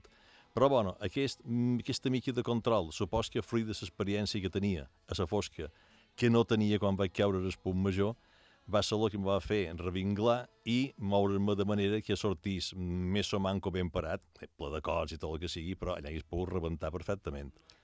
En el Puig Major crec que era un dia que, que havia nevat, no estava nevat el Puig. Sí, que això és una altra història que quan ho contes gent no s'ho creu, però aquell any jo recordo que hi havia neu des de Nadal i estan xerrant això que era la rebel·la de Sant Sebastià i hi havia hagut neu de forma ininterrompuda. Això ara avui en dia és pràcticament inimaginable. Però clar, aquella neu no era la neu del dia, era la neu que duia setmanes allà i era una neu molt dura. I és vera que amb aquest tipus de neu, eh, quan te'n vas a Pirineus o qualsevol muntanya, no tens cap problema en posar-te grampons. Però aquí a Mallorca, pareix que si te poses grampons, és com una mena de pringat. Diu, com que te poses grampons per pujar al punt major? Però aquella neu ho era, ho era. I, bueno, la prova va ser això, no? I què va passar? Va genegar. Va... Sí, no, és que, a veure, mem, a la banda de dalt la neu era molt dura i és que duia, si anava davant d'unes botes rígides, unes Galibier, encara me'n recordo, la marca, i anava marcant la, diguem, la, la, la mínima marca per poder avançar. Però les meves botes eren les botes que jo utilitzava per caminar. Eren unes botes que tenien tots els caires arrodonits, eh, gastats. Clar, eh, aquella osca que feies de davant no ho abastava, jo havia de seguir peiant potada allà, però amb una d'aquestes em vaig llenegar i quan ja llenegues estàs venut ja començaves a patinar. En s'agravant de que encara que jo dugués un piolet, no tenia ni idea de manejar el piolet, perquè si hagués sabut manejar hagués quedat clavat allà mateix, ja estava. Què va passar? No el duia ni fermat. Així quan vaig caure em va fugir el piolet de sermans i vaig agafar ser de Villar Diego cap al camí dels cingles. I clar, allò quan de cada vegada anava més aviat, a més, ja, jo anava de panxa i veia que quan hi havia qualque bonya a la neu, jo m'alçava, volava uns metres, no? Dic, ningú t'atura fins que arribis a les camí dels cingles, estàs mort. I curiosament, una cosa que, no, que fins llavors no havia experimentat, és com una mena d'interruptor dins l'organisme que te desconnecta per evitar un patiment que saps que ets segur. I ho he pogut comprovar perquè amb altra gent que ha estat en situacions semblants, dins altres àmbits però semblants, els ha passat el mateix. És allò que quan veus una pel·lícula que qualcú cau i peguen aquell crits, ah, que apareix... No, quan caus, quan cau de veres, no crides. Això és ben cert, perquè també he vist caure gent que n'ha sortit més mal parada que jo i tampoc han cridat. No? És curiós això que he fet. I bueno, jo, escrivint aquestes memòries, volia traslladar un poquet aquestes vivències, perquè és vera que hi ha moments divertits i això, però els moments així més greus, els moments eh, més dramàtics, són coses que també te marquen. Però, curiosament, eh, no fan que deixis de fer aquella activitat. Ara t'ho anava a demanar, no quedes escalivat i hi No, tornes. no, no, no, hi tornes, hi tornes. Entrevistar amb Lluís Vallcaneres, que acaba de publicar, ara ho sentiu com ho, com ho explica, Entre cims i barrancs, que és, un, que és un recull de les seves experiències i vivències de, a, a la muntanya i sobretot a, a la serra de Tramuntana. Um, Lluís, el teu historial té, té poc a veure amb clubs i, organitza, i, organitza, i, or, i organitzacions, no? Volia dir, Sí. i, associacions de, de muntanya. Sí, sí, sí. Però crida, molt l'atenció, i tu mateix ho dius, que vagis ser director tècnic de l'Escola Balear d'Alta Muntanya i president després, crec que és primer president de la federació, o el segon, de, Oh, de, de, de la Federació Balear de Muntanya. Ja hi havia hagut un parell, eh? No, això no. I anava equivocat, i tot. Sí, sí, sí, no, no, no era dels primers, no. Però sí és curiós I, que i, fet. i, I això que t'ho volia dir, m'ha fet gràcia la teva explicació, no?, que comentes, eh, que, dius, és un fet constant a moltes agrupacions. Tothom opina, però a l'hora d'estirar del carro eh, tothom recula, no? Te vas veure allà davant sense, Sí, sí, sí. sense sí. donar-te en compte. Sí, jo no sé de la gent el que se pensa, però mm, el manco és el món del muntanyisme eh, és difícil trobar qualcú que vulgui ser president de la federació. Jo no sé si se pensen que, eh, no sé, que hi ha bufetades i que tens qualque mena de, no sé, de privilegi per estar allà. Però la veritat és que la gent no vol estar allà. Bé, ara hi ha diferents candidats. Bueno, ara sí, i crec que ets la prim... això sí que és la primera vegada que passa des de que federació, perquè quan te'n trobaves qualcun que picava, eh, dir, més normal n'han trobat un, no? I el manco descansarà en quatre anys. I això ha anat així tots els anys. Mai hi ha hagut un parell de candidats. Ara sí, bueno, això és una cosa vamos, inaudita a la federació. I, de fet, hauria d'haver estat així sempre. Perquè un un organisme que és democràtic, com a mínim, hi ha d'haver dues o tres opcions i la gent que voti, que això és una altra. Perquè hi pot haver molt de federats, però a l'hora de votar, voten quatre moixos. I aposta sempre surten els mateixos. Per què? Perquè la gent que se'n cuida anar a votar. Després se queixen de que sempre són els mateixos. bueno, pues llavors vés a votar i en voten uns altres, no? És que això és així. Els, muntanyers no són gent de, de, de, de, de càrrec, no són gent de, de, de... Perquè quan és una federació o una escola de muntanya, això, te, te dona unes feines que moltes vegades no són agradables. Què vas aprendre? Què vas aprendre d'aquesta presidència? Bueno, vas aprendre, pues, com dic aquí en el llibre, que coneixes molta gent, però a mi ens ben pots. Eh? A l'hora de la veritat, eh, aquesta gent que potser he vist fer d'activitat i que i fins i tot t'ho havies passat bé i això, resulta que potser un dia, perquè fas una reunió i, i, i has de pujar la quota a X pessetes, eh, pues se munta un pollo i, i comencen discussions així, però discussions fortes, no? I realment dius, "Mm, no coneixia jo realment era aquesta persona, perquè jo tenia una idea i veig que és una altra. I quan estàs un càrrec d'aquests, estàs ben tot sol. Estàs ben tot sol. Perquè és vera que el president pot tenir la seva junta directiva i tal, sí, sí, però el cap visible, el que ret rotades, és el que està davant. I passa això aquí i passa moltes bandes. Que a de la veritat, els càrrecs aquests només serveixen per mm, veure-te normalment en sos teus perquè és curiós que les discussions que puguis tenir amb altres entitats, eh, o les que teníem en aquella època, amb els propietaris, perquè hi havia la lluita aquesta, si públic, privat, deixar passar, no deixar passar. Jo mai vaig discutir amb un propietari, en canvi, dins la federació, discutia quasi cada assemblea.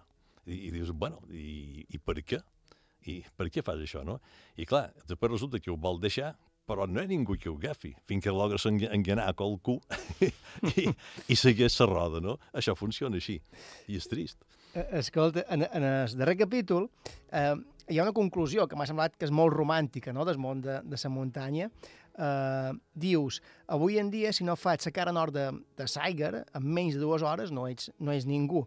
Eh, avui en dia, el que més abunda a la muntanya és gent que corre mirant el rellotge en lloc de mirar el paisatge. El que sí que, que queda clar, me sembla, és que en el llibre contraposes molt clarament la competició esportiva amb l'activitat muntanyenca, no? entesa com una connexió um, amb la natura. Sí, sí, la nostra, bé, manco la meva idea i de molt de muntanyents de la meva generació no era la competició. I això que consti que la competició d'escalada jo va participar activament a fomentar-les. Sí, però jo no participava. Dir una cosa que, vale, perquè els meus amics ho feien i tu, mm, sí, ajudaves en allò, però jo, en el fons, De fet, eh, vaig deixar d'escalar al moment determinat, perquè això d'haver-me d'entrenar per competir, perquè ha de fer un grau més alt que salta, no sé què, va arribar a cansar. Jo m'anava escalant sos a mi perquè m'ho passava bé penjat d'una paret, fins i tot molta vegada seies una reunió i conversaves, després repalaves, caminaves, mm, tot aquest món que potser se passava eh, tot un dia davant 20 metres de paret, mm, jo no servia per això. I al final em va acabar per avorrir. De fet, barranquisme encara segueix fent, perquè és una activitat que te permet veure paisatge, recórrer, no sé, no te quedes davant una paret resolvent un problema a una roca. I això, i això va ser així. Però mm, avui en dia, si no competeixes, si no és el primer, si no tens una medalla, si no sé què, pues això no és ningú. I és una verdadera llàstima. És una verdadera llàstima perquè de cada vegada ja dic, vas per la muntanya a caminar i te passa més gent corrent que caminant. Que, que no passa res, que corrin, no? però que comença a ser un bitxo raro. I raro ets tu. Dic, perquè vas allà a caminar, a lo millor amb una càmera de fer fotos, que això és una altra, perquè si tens una càmera penjada, ets un vell. Si no fas fotos amb un mòbil, això està claríssim.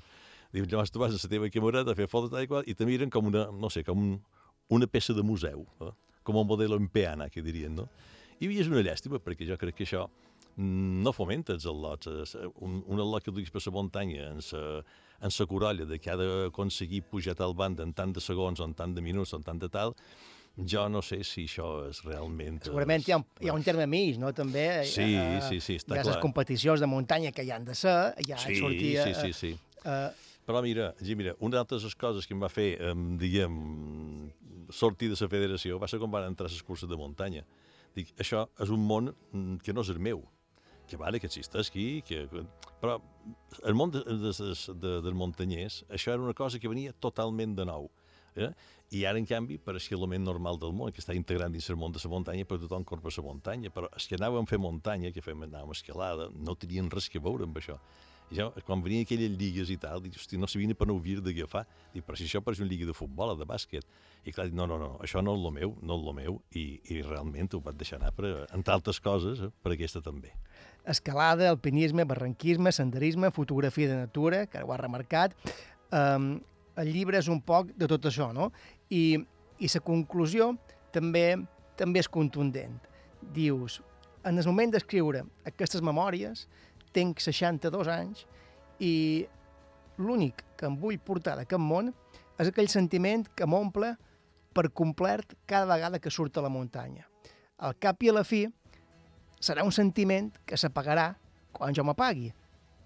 Però com diria Abrara Cúrsics, al cap del poble d'Astèrix, com diria, Això no passarà demà. això no passarà demà. Exactament. Lluís Llai Caneres Nebot, moltes gràcies per haver estat aquí a Fent Quilòmetres presentant aquest teu darrer llibre entre cims i barrancs i confiem que, que sigui un èxit. Confien també. Home, eh, es pot comprar ja, no? Serà a la llibreria. Sí, ara aquesta setmana, precisament, com que m'aduen la nova guia, trec una nova guia d'excursions, que ja te'n parlaré, eh, aprofitaré per treure ja les memòries a la banda. de guies, quantes han dut ja? Bueno, de la sèrie de les 20 excursions curtes, aquesta és la cinquena. Cinquena de la sèrie de 20 Ja ha excursions començat la curtes. sisena. Eh? També en podem parlar, eh, un dia. Ja en parlarem. Lluís Vell Caneres, moltes gràcies per ser avui aquí a Fent Quilòmetres. Moltes gràcies a vosaltres. Feim ara una aturada per la publicitat i en tornar, Carlos Sunyer ens proposa avui la història d'un bandoler, Jesse James.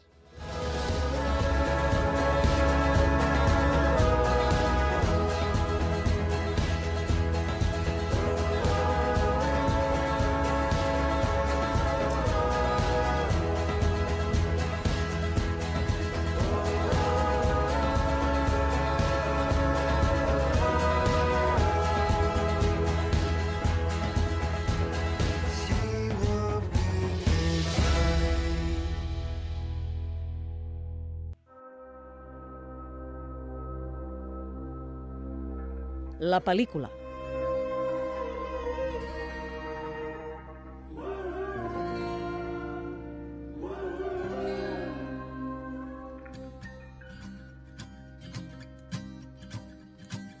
I was just a boy when they tied me to that tree. They hung my daddy's brother, left him swinging over me. I went off to get my vengeance underneath the flag of red. and that angel on my shoulder, she ain't spoke to me since then. Hey, hey, hey.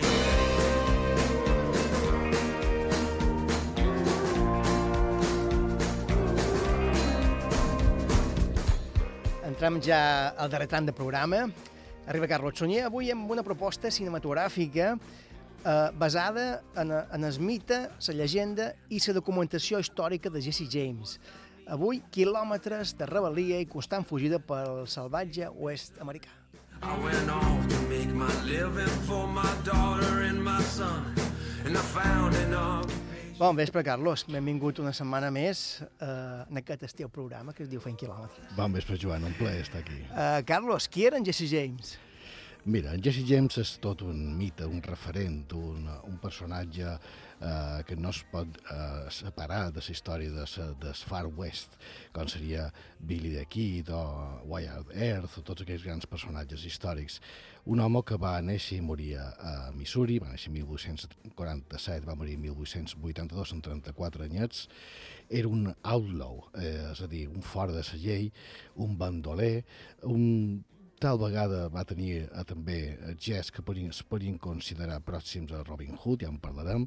Eh, junt al seu germà Frank varen crear la banda dels, des James, se van associar després als germans Younger, que eren, que eren tres, i un home que era conseqüència de la guerra civil americana, la guerra de secessió, on ja saben que, que ja s'hi confederat van ser derrotats, i ell van ser un d'aquests exemples de renegats. És important anar enrere i entendre una mica la seva eh, història familiar, perquè clar, ells, eh, que, aquesta família va passar eh, dues vegades per una, una situació molt acomodada i varen caure a misèria, i les dues vegades per circumstàncies o, o bé bèl·liques o bé relacionades amb els bancs, i, i per aquí van venir el gran, el gran odi.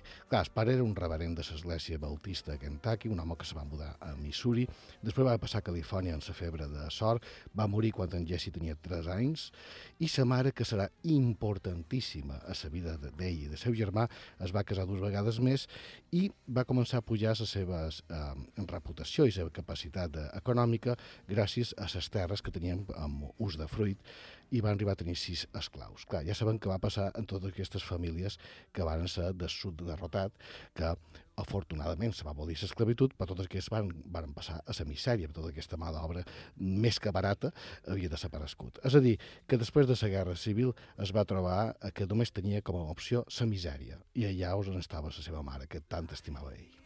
Un personatge històric, un rebel, per a molts un criminal bandoler, i per a molts d'altres la representació de la resistència del sud, com dius, contra el nord després de la Guerra Civil Americana. Sí. Uh, per tant, un heroi fora, fora de la llei, una llei feta pels vencedors del nord.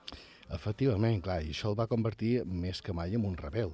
Era un d'aquests renegats, com he dit abans, d'aquestes forces confederades.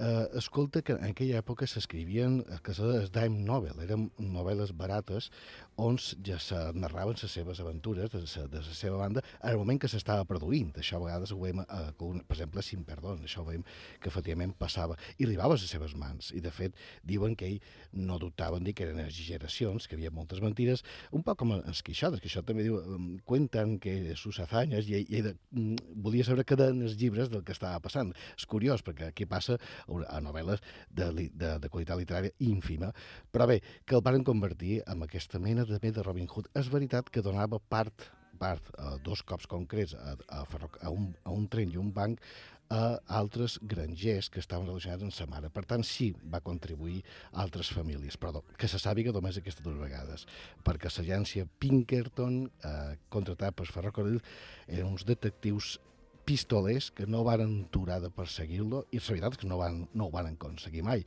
però la seva obsessió va ser caçar en en Jesse James. La figura de Jesse James no s'entén sense, sense mare, tu ho has dit, però tampoc sense l'ombra de, de, del seu germà Frank, que va quedar sempre en un, en un segon pla, però era, hi era allà. Mm, la seva relació va mantenir sempre un estrany equilibri entre l'amor i l'odi, entre germans, i tenien caràcter bastant diferents. Tenien també una gran estimació, tots dos, per sa mare, i es defensaven sempre mútuament, no? Um, a ells i a la seva mare, a la seva mare sempre, i també també a les seves propietats. ¿No le atacaréis todos a la vez? Venga, amiguitos, contra la pared y no acerquéis las manos a los bolsillos. Frank, ¿quieres pelear con él? Por favor, Si no quietos. permites que me ataquen por la espalda. No, estos van a estarse muy quietecitos, ¿verdad, amigos? Jesse, Jesse. Lo siento, Frank, me hijo.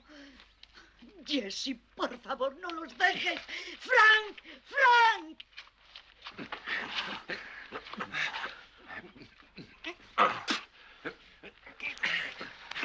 Jesse, sepáralos, sepáralos.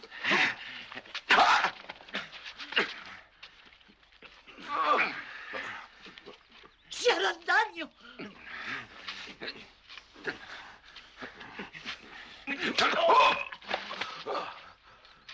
Bueno, creo que ya ha recibido bastante.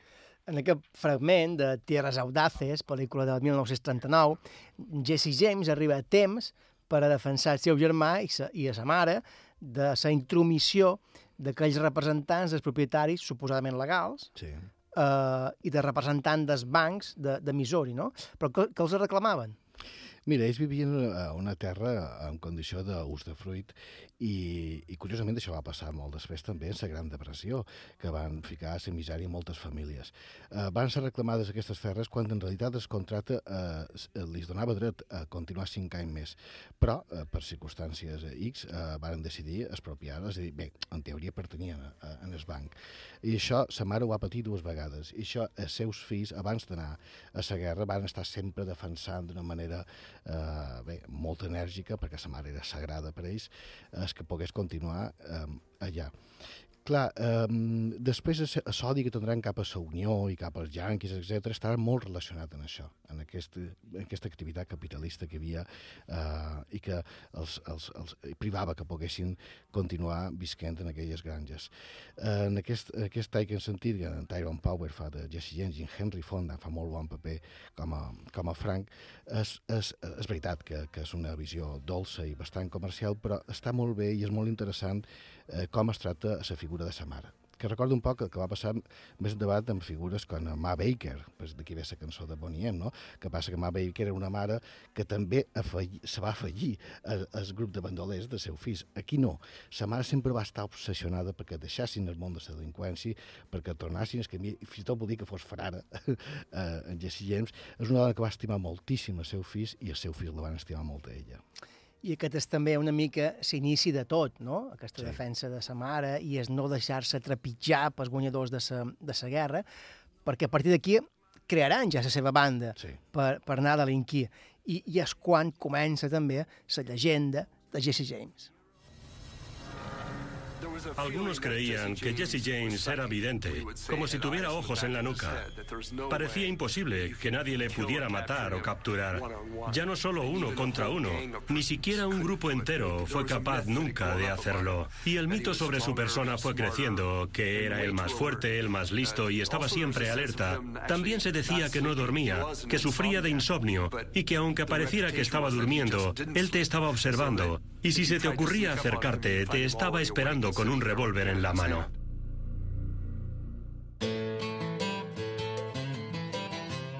Nueve años después de la guerra civil, Estados Unidos seguía siendo una nación dividida. En los antiguos estados confederados, nuestro orgullo sureño era más fuerte que nunca. Pero ahora estaba teñido de vergüenza y resentimiento. El sur estaba hambriento de nuevos héroes, rebeldes orgullosos que no temieran desafiar el férreo control que los yanquis ejercían sobre nuestras libertades. Nosotros fuimos esos héroes. La gente del sur recuerda... És curiós perquè els estats confederats, eh, els del sud, eh, eren justament els que defensaven l'esclavitud, que volien abolir els estats del nord, no? com bé comentaves tu, que són els yanquis, sí. eh, representants després, o representats després per Abraham Lincoln. No? Sí. Eh, clar, en aquest cas, eh, en Jesse James eh, era un heroi, eh, un bandoler, però en realitat el que volia era que no s'abolís l'esclavitud. Clar, clar, clar això, això és molt xocant, no? Però és que, efectivament, les possibilitats financeres, econòmiques i totes, la qualitat de vida i sorda, l'equilibri que es havia, eh, s'anava tota la merda. I eh, eh, és just, però, per altra banda, coincidint a sobre amb una guerra, amb una guerra terrible, on eh, el resultat de, de l'exèrcit de sud va ser eh, espantós, clar, crea aquest tipus de personatges. Eh, pensa que quan, quan ells ja se varen, varen dedicar plenament a, a, a atracar eh, trens, i van especialment va ser trens al principi, va ser perquè després d'atracar, a, a, a fer un robatori d'un tren, mm, des, els dorbers dels quals pertanyien el, banc, que- el mateix banc que volia expropiar-se les seves terres, per això ho varen fer, eh, l'agència Pinkerton eh, varen tirar dos, dos bombes dins casa seva, ells no eren, però sa mare sí era, i un germanastre de, de 8 anys que va morir. Sa mare va perdre un braç. Ara imagina't la ràbia a partir d'aquí d'aquests dos. Pensa que, que són, són rebels. Jo me'n recordo a Nizan de Centauros del Desierto, que és això, és un home que torna de la guerra, Mhm. de l'exèrcit confederat, i no s'adapta a la societat. Vol, és un poc maquis, el que passa que no lluiten contra una causa, sinó que lluiten contra tot. És a dir, no accepten tornar i viure una, una vida miserable. Ah, Segueixen amb armes, però en aquest cas, clar, eh, el que fan és robar, és robar per, per, seguir, per seguir endavant. I, i es, eh, en Jesse James eh, eh, era un home, com hem sentit, eh, molt espavilat, era un home molt desconfiat, molt vigilant, patia insomni, se deia que sempre dormia amb un ull obert, desconfiava de tothom, a la petita dubte que tenia el te podia matar, perquè era la manera que tenia ell de, de, de, de continuar en band. Era molt difícil atrapar-ho, més que en Frank.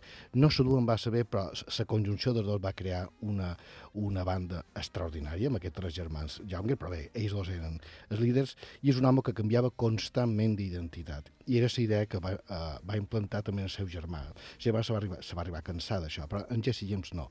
És a dir, li agradava molt moure's molt...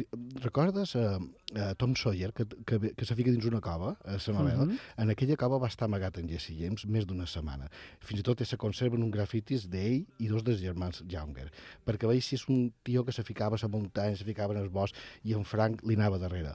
Però ell no, no se cansava d'aquests moviments, era un home molt actiu, i ja t'he dic, eh, molt desconfiat de tothom, no? però així li anava, és a dir, aconseguia, i se va convertir en un mite, clar. Havíem comentat aquí que la cova aquella d'en Tom Sawyer, Tom era, era, Sawyer. era real i, exist, Sí, sí, i, i, i tant. existia. S'acaba de MacDougall, se diu, sí. Uh, la paraula yanquis ja, ja s'utilitzava de manera despectiva entre mateixos americans. M'ha cridat l'atenció. Sí, efectivament. Mira, eh, la paraula yankee en realitat eh, ve dels estats, òbviament, més en el nord, concretament de Nova Anglaterra, que al principi se de Nova Països Baixos o Holanda, perquè allà hi havia una colònia neerlandesa molt, molt, molt potent. I n'hi havia molts, moltíssims que es deien Jan, eh? Joan, per nosaltres, no? I de manera despectiva van emplear el diminutiu Yankee, és a dir, els, els joanets, on estan els joanets. O sigui, els yanquis són els que venien d'Holanda. De d'Holanda, dels Mhm. immigrants. Però també és veritat, i això és una de les aportacions principals d'alguns investigadors, entre ells en Robert Graves, eh, Chanqui, és a dir, es, es fonema no és el mateix, però pràcticament en Cherokee vol dir covard, i és còlida en els Cherokees, en els, en els, en els soldats de sa, de, de sa Unió. Mhm. És a dir, que tant una com l'altra segurament se van arribar a conjuntar i varen crear aquest concepte despectiu cap a, avui cap a tots els americans, pràcticament. No? Dues teories igual de vàlides. Sí. Uh, després d'un assalt a un banc, que no els ha anat massa bé, tornaven en Jesse James sí. i en el seu germà Frank, uh, ell, uh, Jesse, pensa que, o ja pensa en el següent cop, no? Uh, assaltar uh, un banc de, de Northfield. Mm, El seu germà no ho veu gens clar perquè en acaben de fer un que no ha anat massa bé. Sí. Uh, aquesta que escoltem ara és una escena de la pel·lícula La verdadera història de Jesse James. De Jesse James. El único que podía guiarnos en este estado salió al principio y se dejó matar como un imbécil. No sé cuántos de los nuestros quedarán vivos. Todos vivirían si hubieran hecho lo que yo les dije. Les dijiste que vinieran a Norfield. Eso es, Frank. Daremos el golpe en Norfield. ¿Estás loco? Si conseguimos salir de aquí, no se te ocurrirá volver. Hay menos peligro porque no nos esperan. Ahora no pienso en el próximo golpe. Bastante complicaciones llegar a casa sanos y salvos. Llegaremos. Y a tiempo para celebrar mi cumpleaños. Madre nos espera. Sí, pobre madre. Estará medio muerta de miedo. Ni pensarlo. Durante años se enfrentó con los ejércitos yanquis. No tiene miedo a nada. Clar, aquí veiem, no?, una altra vegada aquest exemple, com la referència, referència eh, i reverència també gairebé, no?, Sí, sí, a la seva mare eh, i la seva valentia és una constant. Sí, sí que ho és, i se va mantenir tota la seva vida. Uh, uh, això que sentíem era, de, com tu has dit, uh, la verdadera història de Jesse James de l'any 57, de Nicolas Rey, dos anys després de fer uh, Rebel sense causa, i el que, es- el que m'agrada, uh, en Robert Wagner, que és l'actor que fa de Jesse James, és com, uh, uh, de, contra, com de contradictori podria ser aquest, aquest personatge, perquè, clar, per una banda és tan perillós, per una banda supera a Billy el Niño en moltes, en moltes de les seves uh, uh, proezas o els seus robatoris uh, on, on moria gent, i per una altra era tan tenra, eh? I, i, i reivindicava aquesta estima per sa mare i també crear la seva pròpia família, perquè ja en parlarem, va ser un molt bon pare de família, amb unes circumstàncies que pràcticament t'obliguen a crear una vida eh, paral·lela. I com bé has dit, va, va ser un verdader desastre, era cinc que robotobi que feien en estren, els de l'agència Pinkerton no aturaven d'anar darrere ells, que d'aquí ve que Dos hombres i un destino el, el segueixen tots aquests, aquests, aquests uh, detectius, perquè ve d'aquesta història real, i decideixen Northfield. Estaven convençuts que Northfield havia un banc molt important i que allà farien el cop definitiu, especialment en Frank, li va dir aquesta és la darrera que feien. Però clar, Northfield, que per cert era una població d'immigrants suecs, si els esperaven. Eh, per tant, els, els van repel·lir a trets, eh, estaven tots armats i van morir tota la banda, llevat d'ells dos. És a dir, ells dos van els únics supervivents i es van tornar a refugiar a les muntanyes pràcticament un mes. No?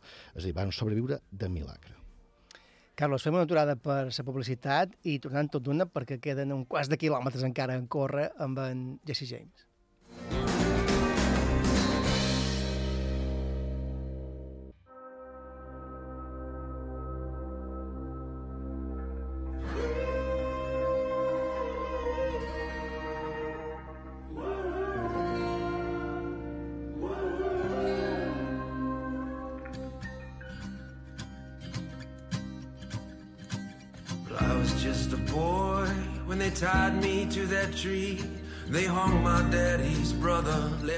Tornem aquí, escoltau Fent Quilòmetres, aquí, a la sintonia d'Ibetes Ràdio.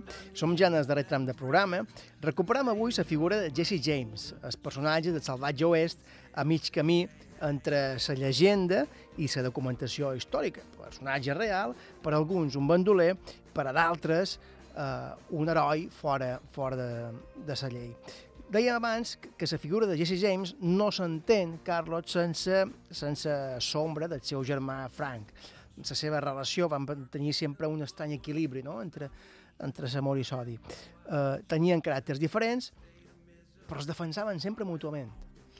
Sí, eh, creaven una força molt, molt potent. De fet, eh, eh, aquests altres tres germans, els Younger i dos cosins, a vegades intentaven imposar-se una mica per respecte en el, en el liderat del grup, però és que era, era impossible, és dir, eh, eren, tenien caràcters molt, molt forts, i això que ja t'he dit, discutien molt entre ells, però a l'hora de, fer, de realitzar una, una operació, un cop, el que sigui, eh, eh, no hi havia res a fer. Eh, eh, com, els, com els James no no n'hi havia. És veritat que després d'això que he explicat abans a Northfield, en, en Frank va dir fins aquí. Fins Això aquí. és molt propi, entre germans també, no? Sí, i tant, sí, i tant, i tant. Però en James va voler continuar i va crear la James Band amb, amb nous bandolers i aquí va entrar en Robert Ford, que després veurem la importància que té. Anàvem en el conflicte quan arriba o quan sorgeix el conflicte entre en Jesse James i, i en Frank. ¿Por qué siempre nos ha salido todo bien y ahora parece que luchamos con una maldición? Porque al principio teníamos una razón. Que por lo que veo has olvidado. ¿Qué razón? Empezamos por defender a Cyril y a Madre y por proteger nuestros bienes. Lo que teníamos que hacer. ¿Y qué hacemos aquí ahora, a 400 millas de nuestra tierra? ¿Por quién peleamos? ¿Por Madre? ¿Por Cyril? No, Jesse. Solamente por ti. Por mí. Durante años habéis sido una carga, os he llevado a todos sobre mis espaldas. De no haber sido por mí, estaríais de pastores en alguna granja mezclada. Claro, y así nos hemos hecho célebres. No todos conocen nuestro nombre. Es natural, lo han fichado todos los sheriffs del país. Mira, si no quieres seguir haciéndome compañía, podemos separarnos ahora mismo. No podías haber tenido una idea mejor. I clar, i a partir d'aquí segueixen ja camins separats, no? Mm, hi havia recompenses, estaven en constant recerca, els volien vius o morts, i el més curiós és que quan no saltaven trens o bancs, ells seguien endavant amb identitats falses. Això és increïble, sí. Uh, en, en Frank, uh, menys que, que en Jesse, en Frank va ser quan ja uh, ho va deixar, de fet, no va tornar a xerrar ni veure's amb, amb en Jesse James i va començar la seva vida creant una família, però va desaparèixer per complet. És a dir, no se sap ni on va, morir, ni segurament, òbviament, amb identitat falsa, una identitat falsa, com feien sempre. Però en Jesse James va continuar, com he dit abans, va crear la James Band, eh, eren també dos parents de, de, des que eren Younger, perquè els Younger van morir tots eh, en el cop de, de Northfield, i aquí se va sumar un jove Robert Ford que tenia una admiració enorme per en Jesse James, havia llegit totes aquestes novel·letes i no va aturar fins per a eh, formar part del seu, de seu grup de bandolers. Però mai va estar ben considerat. A dir, sempre el veiem bé, eh, aquest, aquest dotet, que bé, està aquí darrere i ens ajuda, però ell, volia que en Jesse James el considerés com seva mà dreta, com a substitut d'en Frank. I com deies abans, se, se varen crear una vida paral·lela. Fixa't que en Jesse James es va casar amb Zerelda, el mateix, el mateix nom de seva mare, i va arribar a tenir quatre fills. I feia que aquesta seva família s'anés moguent de població en població i els esperaven uns, un punts de trobada i ell també amb una identitat falsa duia una vida del mes, mes i mig, un, un poble, fins que començava a sospitar que podien saber qui era i ja canviaven un altre. És a dir, du, aquestes dues vides continuava robant, però a la vegada era un pare de família molt carinyós amb els seus fills i amb la seva dona. Aquesta doble identitat, no?, que dèiem, d'una banda assaltador de bancs i d'altra bon pare de, de família i queda també molt, molt recollida, o molt ben recollida, en, en totes o en altres versions cinematogràfiques. Brad Pitt eh, el va interpretar a la pel·lícula El asesinato de Jesse James por el cobarde Robert Ford. Estaba llegando a su mediana edad y por entonces vivía en un caserón de Woodland Avenue. Acomodado en su mecedora, se fumaba un puro por las tardes mientras su esposa se secaba sus sonrosadas manos en el delantal y atendía con diligencia a sus dos hijos.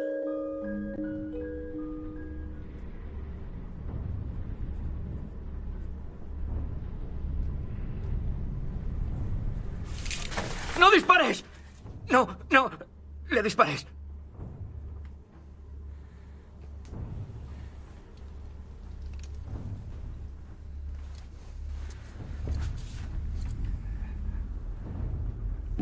Digas lo que puedo o no puedo hacer, Ed. I aquí eh, hi ha aquest contrast tan interessant, no?, d'aquesta doble vida delictiva. Bon pare i, per altre, està a punt de carregar-se un, un pobre home indefens sí. dins, dins, es, Sí. dins el tren i, i aquest li diu, no, no el matis, no? I, i com respon ell? No, no, no me diguis jo el que, no me el que diguis he de fer. el que he de fer. I, I aquesta pel·lícula, que és la millor, la millor de la vida de Jesse James, una pel·lícula d'any 2007 de Andrew Dominic, la recomano moltíssim perquè és magnífica, és lírica, és emotiva, és, és diferent, és transcendent, i amb un Brad Pitt extraordinari. I en Cassie Affleck, que és un actor que fa d'en Ford, es, es, es, es, es que el va matar, que ho fa beníssim. Com bé dius tu, um, eh, clar, aquesta duresa que té eh, eh, com a líder de, de, de, del grup de, de tracadors i bandolers, pensa que en aquesta escena, a la pel·lícula hi una petita referència, no ho veiem, però ell realment sí abans havia matat a un, a un a l'assassinat més eh, documentat que tenim d'en Jesse James en el conductor d'estrena on robaven a Winston, que havia molt de dobbers, que era William Westphal i el va pegar un tret en el cap perquè estava convençut que estava implicat en aquella explosió que he explicat abans a casa on va morir un germanastre i sa mare va perdre un braç. Un home molt marcat pel seu passat, amb aquestes mudances constants que he dit, i aquesta família sempre, sempre darrere amb aquestes identitats falses. És a dir, que per una vegada tenia molta ràbia, molta duresa de cor, però per una altra havia aquesta tendresa que ja conservava des de nin eh, i que va dedicar sempre cap a la seva mare i només van descobrir la seva vertadera identitat quan aquest jovenet que has comentat ara, en Robert Ford, que era de la seva banda, el va disparar a traïció a casa seva eh, mentre ell eh, feia anat un, Sí. una estanteria, un, Sí, sí. uns llibres. ¿Por qué le mataste?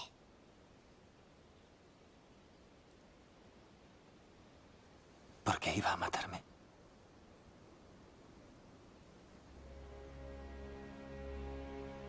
Así que el miedo fue tu única razón.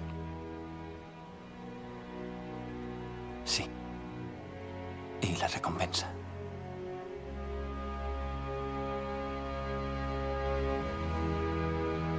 ¿Prefieres que cambie de tema?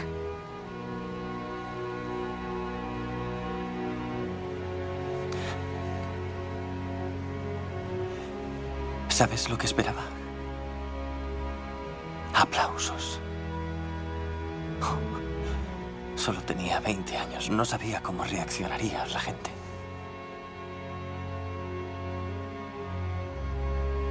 Me sorprendió lo que pasó.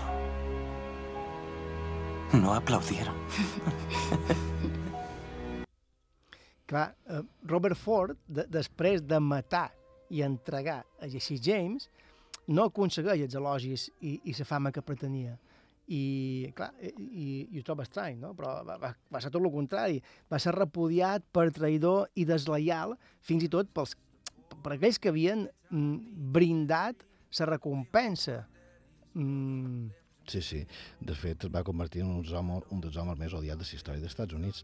Clar, com hem sentit, ell tenia 20 anyets, i en, en Jesse tenia 34, eh, i, i, i l'única manera que van trobar eh, encara aquesta agència, Pinkerton, i, i cinc xèrifs que se van aliar, era mm, trobar aquest lot, perquè sabien que era una persona molt inestable, ell i en Charlie, que era seu germà també i van contactar amb tots dos i li van fer la promesa de la recompensa i també eh, li van eh, eh, alimentar aquesta idea de que ell seria el nou heroi perquè havia el hombre que mató a Jesse James havia aquesta idea, per, això recorda la pel·lícula El hombre que mató a Liberty, Ja Ba- Liberty Balance. Balance. i efectivament a, a, a l'oest hi havia, de fet eh, eh, bé, després en parlaré però va, se va convertir en una cadena. Matar després en Robert Ford després va haver un altre que va matar l'home que mató a l'home que mató a Jesse James. En fi, van dir, s'ha acabat, això és una animalada. Um, amem, uh, ni, ni, ta- ni tan sols la recompensa li van donar sencera. És a dir, recorda un poc a Judas, també, no? És a dir, tirar les monedes... Mhm. És a dir, mm, el varen odiar fins i tot aquells que el varen, eh, el varen convèncer. Uh, és curiós que la pistola en què va matar Jesse James, que estava fent un quadre, en aquell moment li va donar l'esquena, un home amb un cert sentit, un home que no evitava ser atrapat sempre, que tenia pertenències mínimes que en 10 minuts en tenia prou ell per fugir i la seva família, eh, és estrany és estrany i- que passara d'aquesta manera. I a sobre una pistola que ell li havia regalat, un revòlver, eh, un revòlver amb el qual en Robert Ford po posava a les fotografies, ho poden veure perfectament, li havia regalat només fa dues setmanes abans. S'ha arribat a dir que volia morir en Jesse James i va trobar aquesta manera, no s'atrevia a suïcidar-se i va trobar aquesta manera de fer-ho. Mm, Tinc els meus dubtes, no?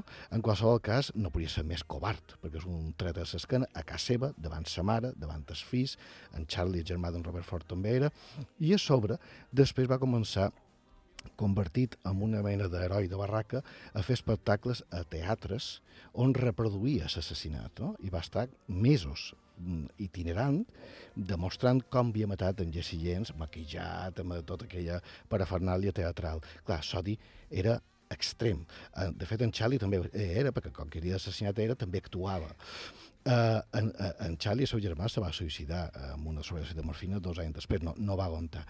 I, i, i que pràcticament competien per qui matava en, en, en Robert Ford, que era un home que anava canviant de joc per, per evitar que el matassin. Tal vegada en Robert, Ro, en Robert Ford, amb aquests espectacles que feia, també cercava que, que se'l carreguessin a ell, no? També, també sí. donava oportunitats, no? Sí, per sí. d'enmig. Bé, estava bastant desesperat, que a la seva taverna de Denver, amb els dobles que havia aconseguit, a Colorado, eh, un pistoler va entrar i li va, i li va fotre un tret a sa cara.